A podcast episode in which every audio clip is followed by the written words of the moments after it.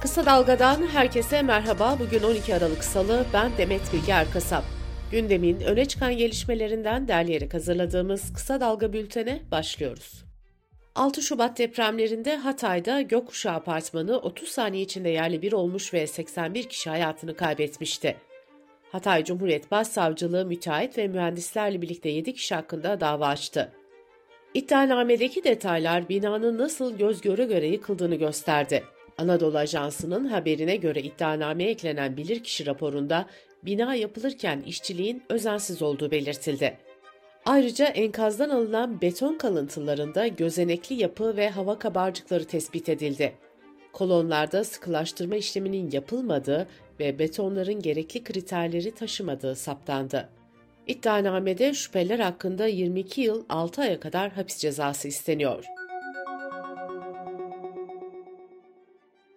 6 Şubat depremlerinden sonra Türkiye Tek Yürek kampanyası kapsamında televizyon kanallarına bağlanıp bağış sözü verenlerden bir kısmı bu sözünü tutmadı. CHP NİDE milletvekili Ömer Fethi Gürer yardım kampanyalarından toplanan paralarla ilgili İçişleri Bakanlığı'na yazılı soru önergesi verdi. Gürer'in önergesine yanıt İçişleri Bakanı Ali Yerlikaya'dan geldi. Yerlikaya, Türkiye Tek Yürek kampanyasında 85 milyar liradan fazla bağış toplandığını belirtti. Ancak kampanyada 115 milyar lira sözü verilmişti. Sonuçta söz verilen 30 milyar liradan fazla para ortada yok. Bakan Yerlikaya cevabında bağışını henüz yapmayan kişi ve kuruluşların tespit edildiğini ve iletişim sürecinin de devam ettiğini belirtti. Avrupa Konseyi'nin icra organı olarak görev yapan Bakanlar Komitesi 5-7 Aralık'ta Avrupa İnsan Hakları Mahkemesi kararlarının uygulanmasında yaşanan sıkıntıları ele almıştı. BBC Türkçe'nin haberine göre komite Osman Kavala ve Selahattin Demirtaş davalarında ahim kararlarına uymayan Türkiye'ye bu kişilerin derhal serbest bırakılması çağrısı yaptı. Komite Mart 2024'te yapılacak toplantıya kadar Ankara ile teknik temasın artırılmasına karar verdi. Komite ayrıca Hakimler ve Savcılar Kurulu'nun yapısının evrensel standartlara uymadığını ve değiştirilmesi gerektiğini de yineledi.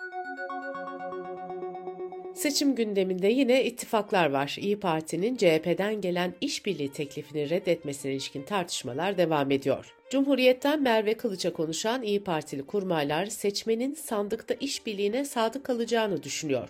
Kurmaylar seçim sürecinin İyi Parti aleyhine sonuçlanabileceğini de belirtiyor.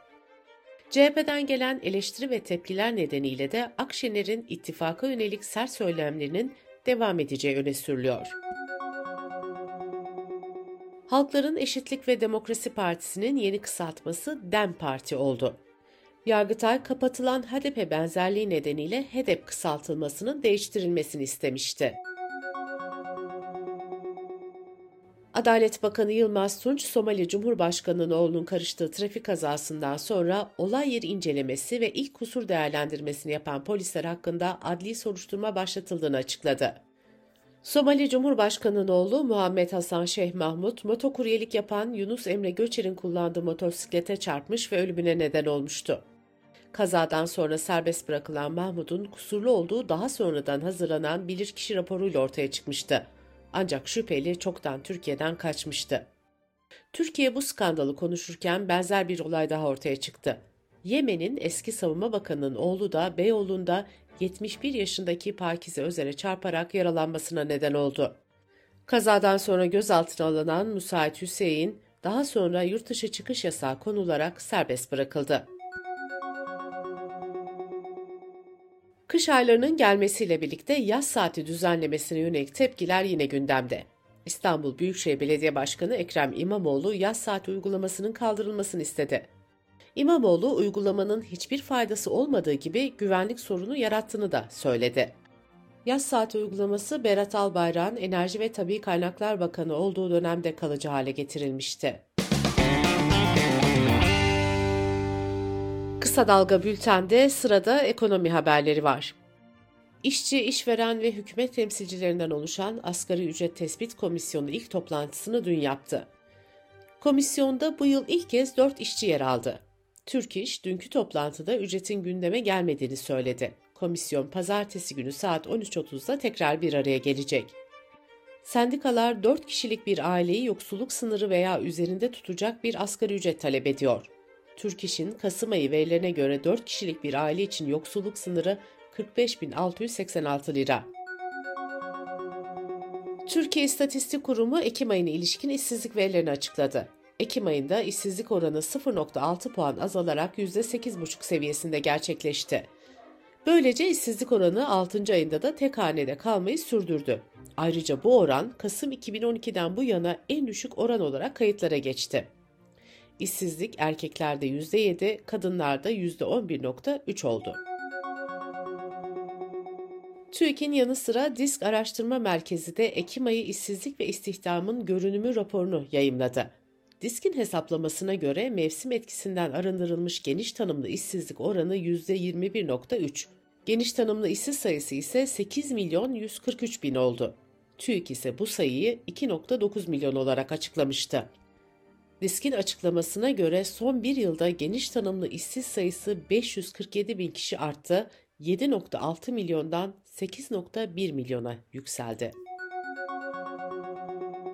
Sanayi üretimi Ekim ayında aylık %0.4 azalırken yıllık %1.1 arttı. Piyasa beklentisi aylık %0.2 düşüş, yıllık bazda ise %2 artış yönündeydi.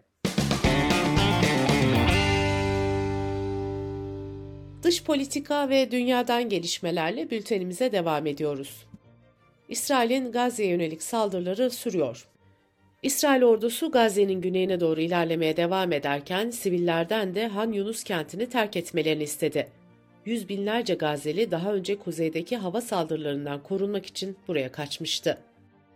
Birleşmiş Milletler'in Filistinli Mültecilere Yardım Kuruluşu Başkanı Lazarini ise bölgenin yeryüzündeki cehennem haline geldiğini söyledi.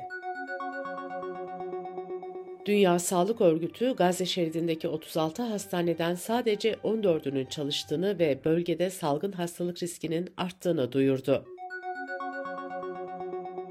Birleşmiş Milletler Genel Sekreteri Antonio Guterres, Güvenlik Konseyi'nin ateşkes konusunda başarısız olmasından üzüntü duyduğunu ve örgütün felç olduğunu söyledi. Guterres bunlara rağmen ateşkes konusunda pes etmeyeceğini vurguladı. Katar Başbakanı da İsrail'in saldırılarının yeni bir ateşkesi engellediğini söyledi. Başbakan azalan şansa rağmen çalışmaları sürdüreceğini vurguladı. Avrupa Birliği de İsrail'e bombardımana son verme çağrısında bulundu. Açıklamada İsrail'in Gazze'nin kuzeyinde kullandığı taktiği güneyde de kullanmaması gerektiği belirtildi. İsrail Başbakanı Netanyahu, Rusya lideri Putin'le bir telefon görüşmesi gerçekleştirdi. Netanyahu, Moskova'nın Gazze'deki savaşa ilişkin tutumundan memnun olmadığını bildirdi.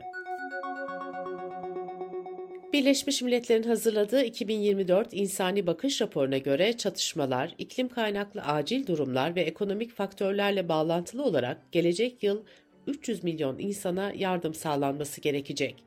Başta işgal altındaki Filistin bölgeleri, Sudan ve Ukrayna olmak üzere insani krizden etkilenenler için 46.4 milyar dolarlık yardıma ihtiyaç olduğu vurgulandı. Raporda insani yardım sisteminin çok büyük bir finansman krizle karşı karşıya olduğuna da işaret edildi. Ukrayna lideri Zelenski, Batı'nın desteğinin azalması üzerine ABD ve Avrupa'ya gidiyor. Zelenski bugün Amerika'ya, Perşembe günü de Brüksel'e gidecek. Arjantin'de başkanlık seçimini ikinci turda kazanan ülkenin yeni devlet başkanı Javier Milei dün yemin ederek görevine başladı. Arjantin'in yeni cumhurbaşkanı ilk iş olarak bakanlık sayısını 21'den 9'a düşürdü. Eğitim, sağlık, kültür ve kadın hakları gibi bakanlıklar kaldırıldı. Milei seçim döneminde Arjantin Merkez Bankası'nı kapatmak istediğini belirtmiş, ülke ekonomisini düzeltme sözü vermişti. İngiltere ilginç bir davayı konuşuyor. İngiltere'de bir mahkeme 26 yıl önce Prenses Diana ile röportaj yapmak için sahte belgeler düzenleyen gazeteci Martin Beşir'in BBC'den istifasına ilişkin yazışmaların yayınlanmasına karar verdi. Beşir'in söyleşiyi gerçekleştirmek için sahte kürtaj belgesi ve banka dekontları kullandığı ortaya çıkmıştı. Beşir 2021 yılında BBC'deki işinden istifa etmişti.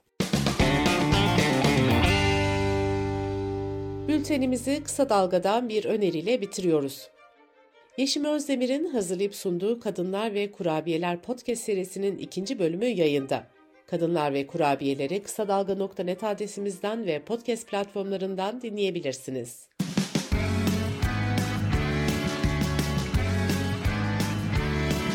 Kulağınız bizde olsun. Kısa Dalga Podcast.